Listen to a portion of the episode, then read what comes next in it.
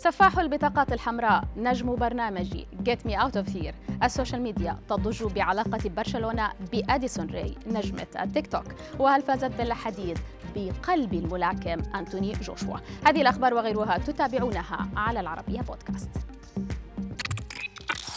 نبدأ أخبارنا من سفاح البطاقات الحمراء. الحكم الإنجليزي الشهير مايك دين وصافرته التي ستسمع قريبا في برنامج المشاهير الواقعي Get Me Out of Here. أخرجني من هنا.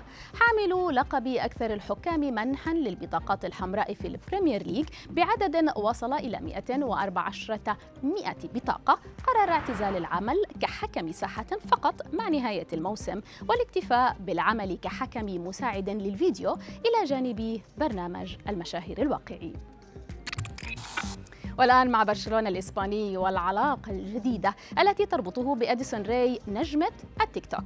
موقع النادي الإسباني الرسمي أكد في تغريدة له بأن الأخيرة باتت أيقونة حظه في المباريات. التغريدة جاءت بعدما انتشر مقطع فيديو لأديسون التي تملك أكثر من أربعة ملايين متابع لها عبر تويتر فقط. تظهر فيه مشجعة للنادي الكتالوني في مباراته الأخيرة أمام ريال مدريد. أثار قرار إيقاف مشاركة لاعب الشطرنج الروسي سيرجي كاريغن عن اللعب ستة أشهر ردود أفعال كثيرة على السوشيال ميديا خاصة أن المنع بحسب بيان اتحاد اللعبة الدولي الرسمي جاء بسبب دعمه العلني لغزو بلاده لأوكرانيا وتأييده الصريح للرئيس الروسي بوتين. المصنف الثامن عشر عالميا لم يتوقف هنا بل رد على منعه بتعليق عبر حسابه على التليجرام ندد فيه بالحكم وأكد على عدم ندمه على تصريحاته فهو بحسب المنشور مواطن روسي قبل أن يكون لاعبا.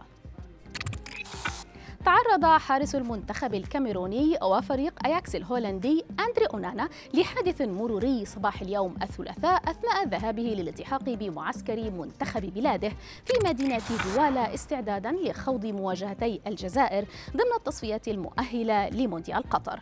وبحسب المواقع المحلية لم يسفر الحادث عن أي إصابات خطيرة للاعب ولكن لحقت أضرار جسيمة بسيارته.